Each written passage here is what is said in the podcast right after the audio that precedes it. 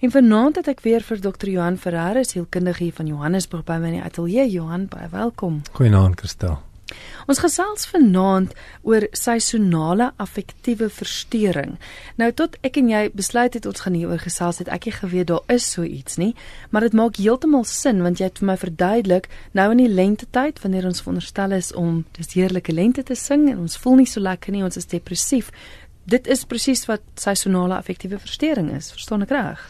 Ja, kyk ons moet die volledige prentjie verstaan en dit is dat sommige mense tydens sekere seisoene van die jaar voorspelbaar en oor tyd hierdie negatiewe um emosionele reaksies het op die seisoen. So jy weet as dit nou net een keer in jou lewe met jou gebeur het dat jy tydens 'n lente of tydens 'n winter depressief geraak het, beteken nou nie dat jy noodwendig die volledige um sindroom het nie. Maar dat as jy dit nou jaar vir jaar en al dan voorspelbaar kan weet dat jy tydens die herfs of tydens die lente 'n gemoedsversteuring beleef, met ander woorde jou gemoed raak af. Um, dis anders as hoe jy gewoonlik is. Dan kan mens begin kyk daarna dat daar moontlike 'n seisonale um, patroon in jou lewe is wat wat in jou gemoed manifesteer. So gebeur dit net met herfs, net met winter, net met lente of is daar mense wat elke keer met die verandering van die seisoen so voel? Ja, kyk tradisioneel, ehm um, is die is die die ehm um, sindroom wat ons die meeste sien is mense wat in die in die laat herfs en die vroeë winter dan simptome van van 'n klassieke depressie begin openbaar, maar die teenoorgestelde is ook waar dat mense dit tydens lente en die somer kan beleef. So dit is dis nie gewoon dat mense tydens elke seisoenverandering die die emosionele onstabiliteit beleef nie. Dit is maar gewoonlik by die by die twee groot seisoene, die of die somer wat kom of die winter wat kom.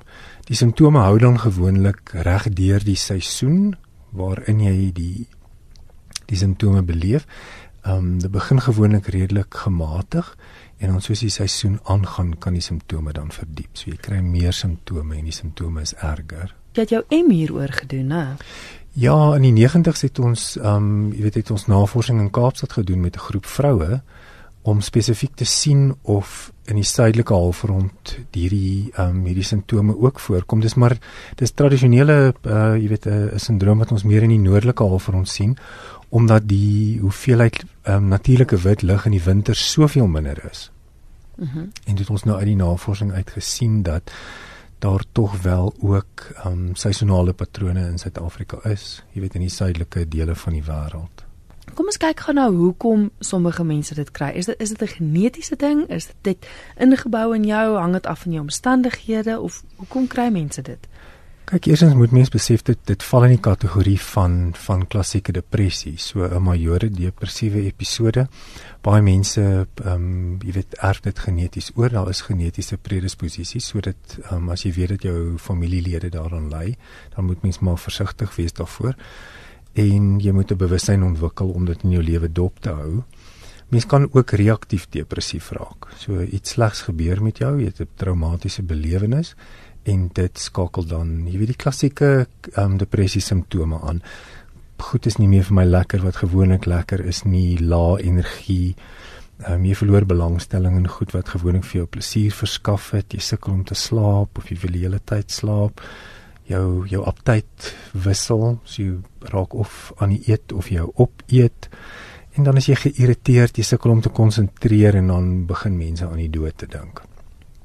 So daar's die klassieke depressiewe simptome. So as ons kyk na die winter en die die herfsaanvang depressie, sien ons dat dit 'n ander beeld as die lente en somer aanvang depressie het. So die mense wat nou meer depressief voel in die in die herfs en in die winter.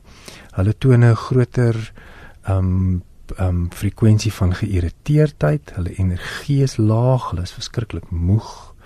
Hulle sukkel met hulle verhoudings oor die algemeen. Daar's 'n hypersensitiwiteit vir verwerping. So die die verhoudings raak baie kompleks. Daai swaar gevoel, jy weet jy kan nie opkom in die oggend nie, jou bene voel swaar, jou arms voel swaar hipersomnie. Ehm um, dit is mense wat die hele tyd wil slaap. Die teenoorgestelde van insomnie is waar jy waar jy nie kan slaap nie. So in die in die winter en in die die herfsdepressie sien ons hipersomnie is mense wat baie wil slaap. Dan ehm um, is daar baie keer drange na koolhidrate wat natuurlik nou maak dat daar gewigstoename is. So as jy van hierdie simptome in jou lewe sien en jy kom agter dat dit hier aan die na die einde van herfs toe en in die in deur die winter intensifiseer dan wil ek voorstel dat jy dat jy dalk rekord daarvan begin hou jy weet daar's daar's soveel ehm um, ehm um, instrumente wat mens deesdae kan gebruik jy weet 'n 'n baie diagram wat jy daagliks op jou op jou op jou telefoon of op jou sakrekening op jou rekenaar kan kan byhou net om 'n om 'n geldige geskiedenis op te mm. bou mm. om te sien was dit nou net hierdie jaar Um, ons moet onthou om te kyk na nie na na lewensgebeure nie. So ek verstaan dat mense depressief raak as dit eksamen is en as dit jaareinde by hulle maatskappy is. Jy weet as daar spesifieke seisonale um uh, inhoud in jou lewe is mm. wat elke jaar verbykom, dan is dit nie die seisoen wat jou depressief maak nie, dis noodwendig die inhoud, dis die eksamen wat jy skryf of die kinders wat eksamen skryf mm. of jaareinde by die werk. Um As ons kyk na die die die lente en die somerdepressie, lyk die lyk die kliniese beeld 'n bietjie anders. So hierdie mense sukkel om te slaap. So hulle slaap baie min. Daar's gewigsverlies, so nie gewigstoename nie, gewigsverlies as gevolg van 'n swak aptyt. En dan met hierdie mense sien ons 'n hoë vlak van geïrriteerdheid en van angstigheid. So jy sien die, die prentjie is eintlik die teenoorgestelde van die ouens wat in die winter swaar kry. Alhoewel die winter het jy gesê hulle ook geïrriteerd. Daar's ook 'n geïrriteerd, ja. ja. Maar hulle wil baie slaap en hulle aktiwiteit is minder van die lente is meeste mense nie almal nie, maar meeste mense wat daarmee sukkel, het meer hierdie hoë tipe van vryvloeiende mm. angstigheid wat die hele mm. tyd by hulle is. Maar hierdie seisonale affektiewe verstoring is iets wat verdwyn daarna ruk. So jy kry dit net aan die begin van die seisoen. Dis nie iets wat jy dan dwars deur die jaar het nie. Nee, die vir die diagnose om gemaak te word, moet dit moet dit tydens sekere seisoene plaasvind, dan intensifiseer dit na die einde van die seisoen toe en dan asof dit dan nou van self weggaan. So aan die einde van die winter sou dit dan nou lente word, dan dan lig die baie van self, dan gaan die depressie van self weg.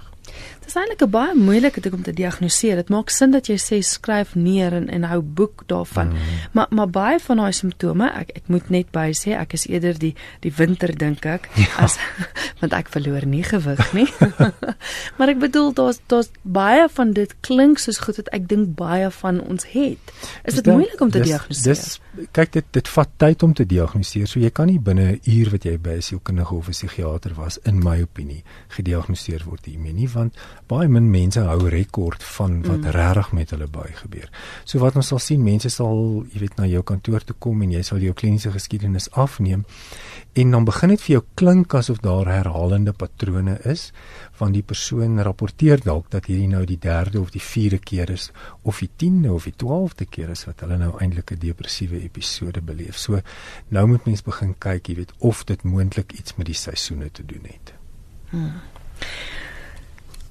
Ek wil gou hê ons moet kyk na behandeling daarvan. Hoe hoe behandel mens dit? Kyk, soos met alle met alle gemoedsversteurings is die is die eerste plek waar mens maar begin is jy moet sorg dat jy op die regte medikasie is. So as jy met 'n gemoedsversteuring sukkel, moet jy by jou huisdokter of 'n psigiater uitkom sodat jy die regte medikasie kan begin gebruik. Wat ons dan baie keer sien is as jy nou 'n pasiënt langtermyn behandel en daar daar kom 'n seisonale patroon na vore kan mens, jy weet, voordat daardie seisoen begin met jou dokter of jou psigiater praat en vra dat hulle of jou 'n ekstra medikasie bysit of jou dosis verhoog. So ek het 'n hele paar um, pasiënte wat nou al oor jare weet dat dit so is. So so 'n maand voordat hulle daai seisoen in hulle lewe nou begin begin voel, dan verhoog hulle net hulle antidepressant en baie keer help dit. 'n Bewussyn daarvan help ook, jy weet, sodat jy dalk 'n bietjie harder oefen, net net 'n verwagting hê dat jy iets daaraan kan doen. Dit beteken nie dat jy hulpeloos is dat jy nou elke winter so moet voel nie. Hmm. Jy is welkom om saam te gesels. Dalk het jy 'n vraag vir Dr. Johan Ferreira. Ons gesels oor seisonale affektiewe verstoring. Dit is nou as die lente kom of die winter kom en en jy voel nie so lekker nie. Jy het jy depressie. Dit simptome daarvan. Johan het nou gesê hoe dit verskil ook van die winter tot en met die lente. Laat weet vir ons dalk het jy dit, dalk het jy nooit geweet jy het dit nie en kan jy dalk raad vra of jou storie met ons deel. 34024 dis die SMS nommer. Elke SMS kos jou R1 of jy kan ook 'n e-pos stuur via ons webwerf rsg.co.za of skakel ateljee toe 089 1104553. Dis 089 1104553.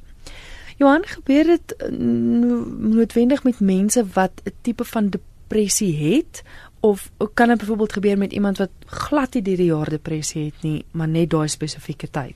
Sommige mense se se se sindroom lyk so dat hulle regtig net tydens die die maande wat dit ehm um, wat dit manifesteer dat hulle dan depressief is en dat die dat die depressiewe simptome weggaan. Ons sien ook dat mense wat met bipolêre gemoedversteuring sukkel, met ander woorde mense wat maniese episodes en depressiewe episodes het, baie meer geneig is om in die lente en in die somer maniese episodes te beleef. Met ander woorde dan raak hulle baie besig. En ehm um, dan natuurlik nou in die wintermaande het hulle 'n groter geneigtheid tot die depressiewe episode. So daar's net 'n ander manifestering wat ons daar sien weet in die Europese lande byvoorbeeld waar die waar die lig in die in die winter baie minder is kan jy ehm um, kan jy vir ligterapie gaan. Met ander woorde hulle hulle lewer in baie maatskappye, jy weet kan jy aansoek doen en dan bring hulle vir jou 'n lig na jou na jou lesenaar toe, 'n baie helder wit lig wat jy dan vir die hele winter kan aanhou of hulle installeer vir hulle wat hulle ligkaste noem. So by jou huis het jy soos 'n hangkas mm. met 'n met 'n um met 'n wit lig in en jy klim binne in die kas vir 'n uur en jy sit die lig aan en jy en jy sit letterlik in die lig sodat die lig deur jou oë opgeneem kan word sodat die brein dan die regte um, chemikalieë kan afskei. Is jy nou ernstig? Ek is ernstig, is 'n standaardbehandeling daar. Kyk in in die suidelike halfrond het ons nie noodwendig daai geweldige verskil in in mm. winter en somertyd nie.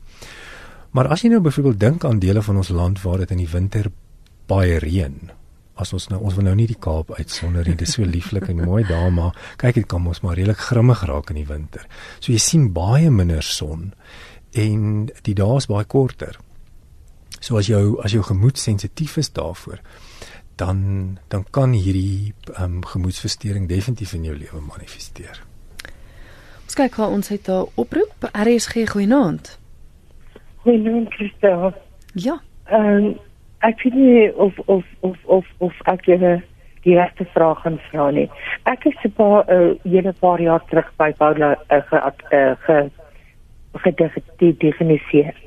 En uh my eerste man is oorlede, ek weer getroud na 5 jaar en nou is my ander man ook oorlede aan kanker. Ek is so so depressief en pap. Ek voel niks toe. Niks. Ek stel belang in niks nie. Ek wil regtig, dit is my te veel moeite om op te staan, dit is my te veel moeite om te bad, dit is my te veel moeite om enigiets te doen. Ek wil nie. Mm. Ek wil nie meer nie.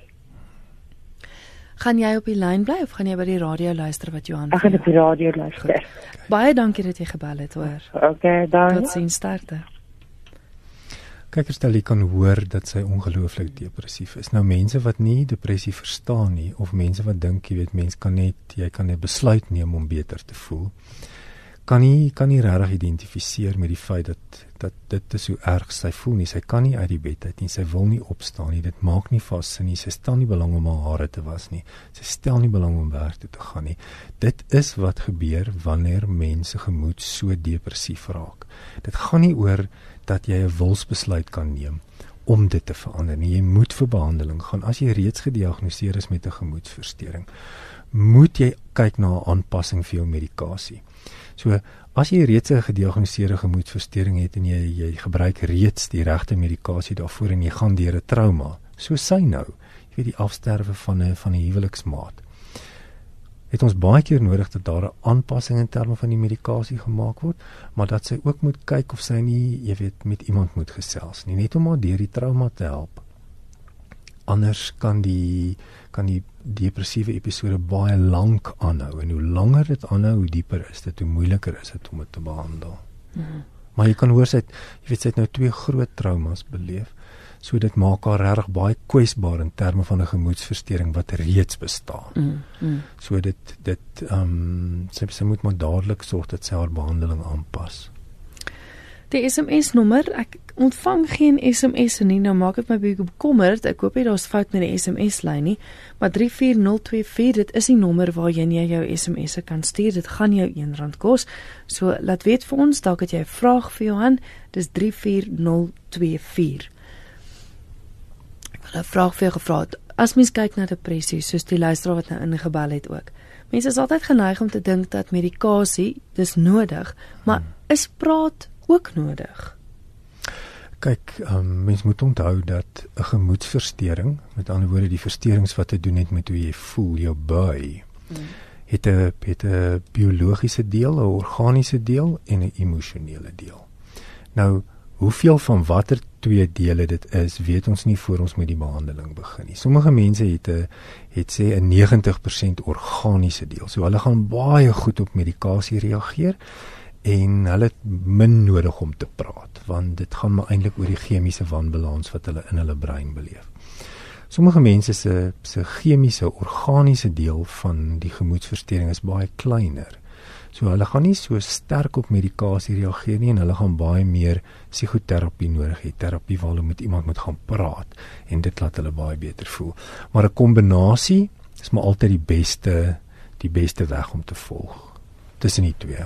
Goed. Ek het 'n e-pos gekry van anoniem gereelde luisteraar en hy neem ook gereeld deel aan die program. Hy het gevra dat hy vanaand anoniem wil bly. Hy sê hy het in 2011, 12, 14 en 15 probeer om sy eie lewe te neem.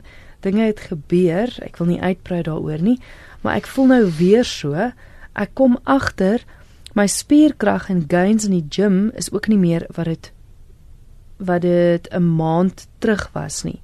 Hoekom gebeur dit? Is daar al navorsing gedoen oor hoekom mense hulle eie lewe wil neem en wat hulle dryf daarna? En as dit 'n mislukte poging is, hoekom is daar mense wat aanhou probeer soos ek. Kyk, um selfmoordgedagtes, gedagtes aan die dood en dan uiteindelik selfmoordpogings is deel van die kliniese beeld van iemand wat aan depressie ly. So as jy nie jou depressie gaan uitsorteer nie, met ander woorde daar's nie vir jou verligting nie, jy voel nie beter nie. En jy kan nie begin voorspel vir wanneer die depressiewe episodes gaan aankom nie, dan maak dit mens geweldig moedeloos. En dit is wanneer die selfmoordgedagtes, ek dink aan die dood, dink om eerder te wil dood wees, uiteindelik omgaan daartoe dat mense probeer om hulle self dood te maak. Want die lewe raak dan onuithoudbaar. Niks maak sin nie. Ons het nou na die vorige luisteraar geluister. Jy wil nie opstaan in die oggend nie, niks is vir jou lekker nie. Oefening help nie meer nie. Jy weet jy kos laat jou nie beter voel nie. Ehm um, niks wat gewoonlik vir jou lekker is werk meer nie. En as dit aanhou, Kerstel, dan kan jy dink. Jy weet jy verloor hoop, jy raak hopeloos. Ja. Nee, jy jy voel jy is hulpeloos, jy kan niks daaraan doen nie en dan raak jy hopeloos. Jy verloor jou hoop dat dit sal beter word. En dit is baie gevaarlik. Dit is wanneer mense by herhaling ehm um, selfmoordpogings het die die voorkoms daarvan het te doen met die die diepte en die die lengte van die depressie. 'n Ander dilemma is elke keer wat mens in 'n depressiewe episode ingaan, of dit nou 'n seisonale patroon het en of dit 'n jy weet 'n 'n onvoorspelbare patroon het, raak die depressiewe episodes dieper en meer ernstig. So ja weet baie psigiaters en jy weet sielkundiges kry baie kritiek oor ons nou mense baie vroeër, baie jonger begin behandel vir iets soos bipolêre gemoedstoornis en depressie want hulle voel half dat weet jy dit is 'n dit is 'n siekte wat mens eers in jou volwassenheid kan begin beleef. Die rede hoekom mense baie vroeër behandel word is dat as jy een keer of twee keer in jou lewe 'n depressiewe episode beleef, dan gaan daai episode nooit so diep en so ernstig word soos iemand wat 4 of 5 of 6 of 10 of 20 keer al 'n depressiewe episode hmm. gehad het nie. Elke onbehandelde episode raak erger en dieper en dit raak al hoe meer gevaarlik. So die idee is om dit so vroeg as moontlik te identifiseer en dan te behandel. Die dilemma met die seisonale patrone, soos ons in die begin van die program gesê het, is baie moeilik om dit te behandel as jy nie 'n lang pad met jou terapeut of jou psigiater stap nie. Hmm. Dis nie altyd baie sigbaar nie. Jy weet ek het 'n ek het 'n paar pasiënte wat wat eers na die 3de of die 4de jaar wat hulle regtig daarna begin kyk, kan sê, weet jy, ek het nou nie meer twyfel nie. Ehm um, ek ek kan nou hmm. sien dat dit 'n seisonale patroon is. Die die die persoon wat die e-pos gestuur het moet as moet asseblief so so ver as wat dit binne sy vermoë of haar vermoë is jy weet daar eh, poog om om sy of haar depressiewe gemoedstoestand so effektief as moontlik te behandel dat ons nie elke keer eindig by 'n selfmoordpoging nie dit dit is ongelukkig so dat hoe meer selfmoordpogings daar was dit uiteindelik daartoe lei dat 'n dat 'n selfdood dan suksesvol is. Ja. Jy Jy's ingeskakel op RSG. Jy luister na Geestesgesondheid. My gas is vanaand Dr. Johan Ferreira, sielkundige hier van Johannesburg, en ons gesels oor seisonale affektiewe verstoring as jy depressief is in seisoene van die jaar. Ons het nou gehoor herfs-winter gedeelte of lente-somer. Ons kyk ons het oproepe RSG genoem. Hallo. Hm, ekskuus. RSG genoem. Ag, genoem gestel. 6 uur. Ja, Juist. Ek het so blikkie deurgekom. Daai vrou het nou net heel verduidelik en sy sy, sy voel dis presies hoe ek voel, maar ek voel baie erger. Ehm um, ek het my ma verloor deur die dood, eh, deur ehm um, die dood. Sy was baie baie siek voordat my seun net 'n vrou gekry het om kom bly en sy se regte demoon. En sy het die lewe van my ma so hel gemaak dat my ma so 'n major uh, beroerte gehad het dat sy dood is. Ek kan die vrou nie vergewe nie. Ek haat haar so. Ek voel ek wil haar doodmaak. Sy ek voel sy mag nie leef oor wat sy my mag doen met my. Dat sy ons my ek wil sê on, ons het ondergaat sy het nou hulle was nou uitgesit word en dit was nou op my alles. Ek het hulle in my ma se plek gevat. Sit as in hulle dat ek sit sy die koketiele oop laat gaan. Ekskuus ek nou is ek goed praat maar ek ek moet net met iemand praat. Ek voel ek kan net tot rus kom nie. Ek so verbitter van my in opstand. Ek weet nie wat om met die gevoelens te doen. Hester, gaan jy vir my by die by die radio luister asseblief? Ja, asseblief. Baie dankie dat jy gebel het, hoor. Dankie. Totsiens. Verstel jy kan hoor dat dat hier sy's baie kwaad en daar's bitterheid en daar's onvergewensgesindheid en dis alles gewettig, nê. Nee, iets mm. baie ergs is aan haar gedoen is sy voel dit is aan haar ma gedoen en dit gaan daartoe lei dat sy al hoe meer en meer depressief gaan raak negatiewe gevoelens, haatgevoelens soos wat sy genoem het. Daai is alles normale gevoelens. Jy weet dis dis baie negatiewe gevoelens en mense word word ontmoedig om die diepte van daardie emosies te beleef omdat dit so sleg is. Dit is verkeerd. Ehm um, jy weet dis nie reg nie. Goeie mense voel nie so nie. Want in realiteit voel ons almal so. Hmm. Jy weet as iemand jou regtig kwaad maak of iemand verwond jou diep, dan is jy vir hulle bitter kwaad en jy sal vir hulle graag by 'n gebou wil afstamp. Dit beteken nou nie jy beplan dit of jy gaan dit doen nie, maar erken aan jouself dat jy die gevoelens het. Maar dan moet jy sonder enige twyfel 'n proses betree waar jy hierdie mens gaan moet vergewe. Jy hoef nooit weer met daai mens te praat nie. Jy hoef nou nie die verhouding te herstel nie. Maar as jy nie daai persoon gaan vergewe nie en dit gebeur in 'n proses, is nie 'n gebeurtenis nie. So in 'n proses vergewe jy daai persoon. Anders anders is die gif wat jy wil hê sy moet drink, die gif wat jy drink. Dit gaan vir jou doodmaak. Sy gaan nie eens weet hoe jy voel nie dalk voel sy ook inderdaad niks vir hoe jy voel nie. Maar nou sit jy daarmee. Mm -hmm. So ek wil graag vir Esther sê, weet jy, ek hoor hoe jy voel. Dit klink vir my heeltemal gewettig. Dis reg so. Dit klink vir my dis die regte emosies. Dis baie slegte emosies. Dis diep emosies. Dit gaan vir jou opvreet. Voel dit nou vir 'n ruk en erken dit en sit met daai emosies. Maar vrou, jy gaan nog van moet loskom. Jy gaan daai vrou moet vergewe, jy gaan haar moet vryspreek, jy gaan haar uit jou lewe uit moet kry en jy hoef nooit weer met haar te praat nie maar jy kan nie met hierdie gevoelens leef nie. Dit sal vir jou in daai put van depressie aftrek totdat jy nie meer 'n lewe oor het nie. Ehm um, vergifnis is maar die enigste pad wat jy gaan moet stap en dit gebeur intrapsigies, dit gebeur binne in jou. Jy hoef nie met haar daaroor te hmm. praat nie.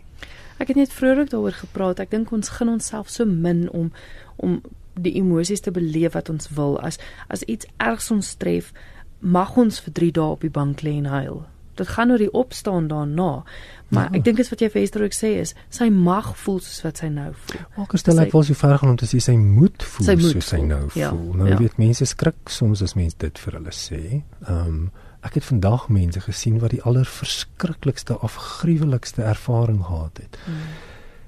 En toe hulle so half verras toe ek sê maar weet jy ek dink julle voel die regte emosies. Kom ons sit net in dit. Jy weet kom ons voel dit net. Mm. jy weet kom ons probeer nie julle beter laat voel vandag nie. Vandag's nie die dag om beter te voel nie. Vandag is die dag om in rou te wees om in skok te wees om in diep pyn te sit. Mm. ons wil nie hê ons moet die emosies ontken nie.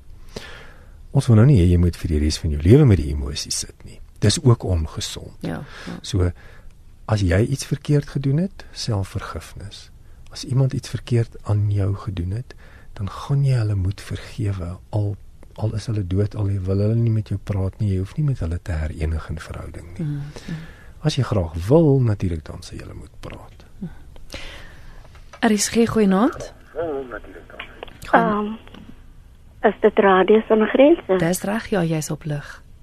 Ehm um, uh, ek wil net uh, die vol ek wil an, anoniem bly. Ehm um, ek wil net graag vra ehm um, ek kry soms sommer net so uit die bloute uit sommer so 'n neerslagtigheid en dit is so intens dat ehm um, dit is so pynlik en dit uh, ou soms dit die hele dag aan en dit kom sommer net so onverwags sonder dat daar enige iets gebeur het of wat en uh, ek kan nie daardie pyn kan ek dit voel soos 'n heimwee. Dit voel soos of ek verlang na iemand. Ek ek kan dit nie beskryf nie maar dit is 'n vreeslike intense gevoel. En uh, dit kom um ek het nou nie 'n patroon nie maar die, as dit kom dan kom dit baie intens en dit. Ek voel baie neerslagtig as daardie gevoel oor my kom Johan enige vrae vir die luisteraar of kan sy luister by die radio? Nee, sy kom maar by die radio luister. Goed, baie dankie okay. vir die bel, hoor. Totsiens. Totsiens. Kristal weer eens kan jy die intensiteit hoor van wat sy beskryf. Nou dit klink nie vir my asof sy 'n patroon identifiseer of dat daar noodwendig meetbare trauma in haar lewe was nie. Maar van tyd tot tyd oorval hierdie hierdie hierdie donker, diep emosie haar. Nou dit klink op grond van dit wat sy sê of dit 'n depressiewe gemoed is wat dalk nie 'n baie lang patroon het nie. So sy bly nie soos ander mense vir weke of maande lank depressief nie. Ehm um, dis 'n vinniger patroon. Ehm um, sommige mense se patrone lyk so.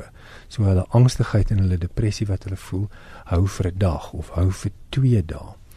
Maar dis nie die noodwendig die lengte daarvan wat soveel saak maak nie as die diepte, nê? Nee? Hmm. So as dit gereeld voorkom, meer dae as wat dit nie voorkom nie. En dis baie diep. Met ander woorde, sy kan nie konsentreer nie, sy kan nie funksioneer nie, sy kan nie haar werk doen nie, sy kan nie haar gesin versorg nie, sy kan nie haarself versorg nie. Dan dan klink dit mos nou na na die die tipiese depressiewe episode. Dis 'n kort maar baie intense een wat by herhaling voorkom. Ek wil sê ek het nou wel 'n um, bevestiging dat die SMS lyn nie werk nie. Dis jammer want ek dink ons sou geweldig baie reaksie gekry het. Ek vra groot om verskoning daarvoor. Ehm um, ja, jammer daarvoor. Ek wil gou by jou hoor as ons nou weer kyk na die depressie, nie noodwendig die seisonale verstoring nie. jy het vroeër genoem dat mens begin al hoe vroeër vir kinders.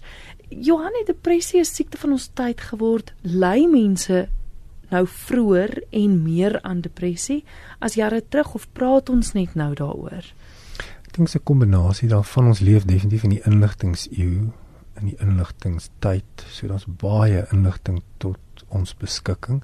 En natuurlik, jy weet die navorsing wat nou tot tot ons beskikking is, jy weet in die in die 70s en die 80s was daar 'n sekere hoeveelheid kennis wat tot ons beskikking was. Nou is dit baie meer. So ons verstaan baie meer die jy weet die organiese um, verstaan van die mens se liggaam, dit wat in ons brein gebeur is net is net op 'n ander vlak. So ek dink nie noodwendig daar's meer nie. Daar's daar's seker sekere um, sekere patrone wat daar meer van is. Ek dink ons identifiseer dit net vroeër. Ehm um, weet as ek dink toe ek in die 70s in die laerskool was, kan ek definitief aan 'n paar kindertjies dink wat byvoorbeeld aandag afleibaar was. Mm. En ek kan definitief dink aan 'n paar kinders wat moontlik depressief was want hulle hulle het moeilikheid gehad. Jy weet hulle het moeilikheid gemaak, maar hulle het ook moeilikheid gehad. Jy kon sien dit het nie met hulle goed gegaan nie. Niemand het 'n woord daarvoor gehad nie. Mm, mm. So as ons nou terugkyk, dan kan ons sien, maar weet jy, daar moes eers 'n haakplek gewees het. So ek persoonlik dink net um, om om baie versigtig en omsigtig en oor tyd 'n diagnose te maak, 'n tentatiewe diagnose te maak, dit in spanverband te maak. 'n Psigiater, 'n sielkundige, 'n mediese dokter, 'n arbeidsterapeut, ehm um, jy weet 'n uh, 'n fisioterapeut waar daar 'n spanbenadering is wat ons na na kind byvoorbeeld kyk dat ons mekaar verantwoordbaar kan hou en dat ons oor tyd kan sê maar hierdie lyk na 'n bepaalde diagnose. Dis baie belangrik wat jy sê want ek dink ek dink daar het 'n 'n tendens geraak om elke tweede kind met ADHD byvoorbeeld te diagnoseer. Ja. En dit voel vir my partykeer asof depressie ook net te gou gediagnoseer word. Want kyk, ons kan nou stry daaroor of nie, maar vandag die skole is 'n groot uitdaging. As ek kyk net na huiswerk wat vir mm -hmm. laerskoolkinders gegee word in vergelyking met toe ek op skool was, daar's definitief meer druk op kinders en ek weet nie of kinders noodwendig dan al reg is daarvoor nie kan dit nie bydra. Daar's daar's baie teorieë daaroor en jy weet kinders se persoonlikheidstyle verskil so baie van mekaar. Sommige sommige mense se persoonlikheidstyle geniet dit verskriklik baie as daar druk is en as daar gestruktureerdheid is mm. en ons het doelwitte wat ons najag. Ander mense verloor hulle kop heeltemal as jy dit met hulle doen.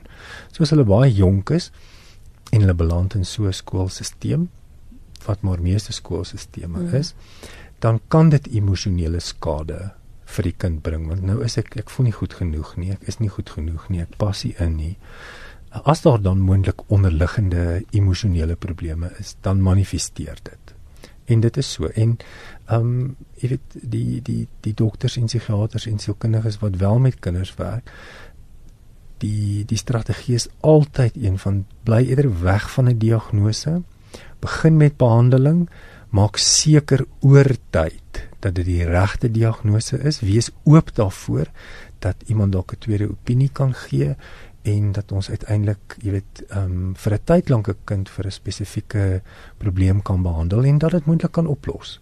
Dit bly nie, dis nie 'n diagnose wat vir ewig by jou bly nie. Ehm um, maar dit dit help baie as dit vroeg vroeg en korrek gediagnoseer word het nou SMS deur gekom. Kan jy dit glo? 3 minute voor ons moet ophou. Ek gaan 'n laaste een lees. My dokter sê ek het uitbrandsindroom. Vanjaar voel dit of die depressie net geen einde het nie. Hmm. Hoe meer depressief ek is, hoe meer stoot ek mense af. Ja. Hoe groter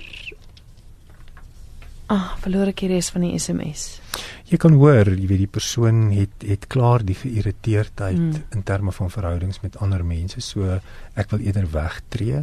Ehm um, jy weet uitbranding is is 'n is 'n baie groot probleem. Dit is wanneer jou kapasiteit leeg is. So jy kan jy kan met 'n groot kapasiteit leef. Met ander woorde, ek leef met 'n groot tank vir emosionele kapasiteit, maar dit het leeg geloop. Mm, mm. Dit het lank gevat, maar dit is nou leeg dan die enigste ding wat werk is jy moet tot stilstand kom. Jy moet rus, jy moet jou lewenstyl verander, jy moet kyk wat jy eet, jy moet genoeg slaap, jy moet genoeg oefen sodat jy jou balans kan herwin. Nou dit vat baie langer as wat mense ophoop. Dit is nie iets wat gou oplos nie. Johan kan luisteraars jou kontak sou hulle met jou in verbinding wou tree? Ja, hulle is welkom vir my e-pos te stuur Johan F by mosaik.com. En as hulle wil kan hulle ook jou verhandeling lees want dis presies waaroor dit gegaan het. Dis reg, hulle moet maar gaan soek. Dit sal eers by die Universiteit van Stellenbosch se biblioteek wees. dit is Dr. Johan Ferreira ons het gesels oor seisonale affektiewe verstoring. Dit is my baie interessant. Die die Engels As mens nou kyk na die Engels, die afkorting daarvoor is sad. Dit is 'n dit is 'n bietjie tong in die kies ja. dink ek, 'n toevalligheid van you know seasonal affective disorder and it is a very very sad affair. As jy verder hieroor wil gesels, meer vra het, asseblief, dit is Johan F by mosaik.com en die mosaik word gespel M O S A I E K. Johan baie dankie. Dankie Kristal.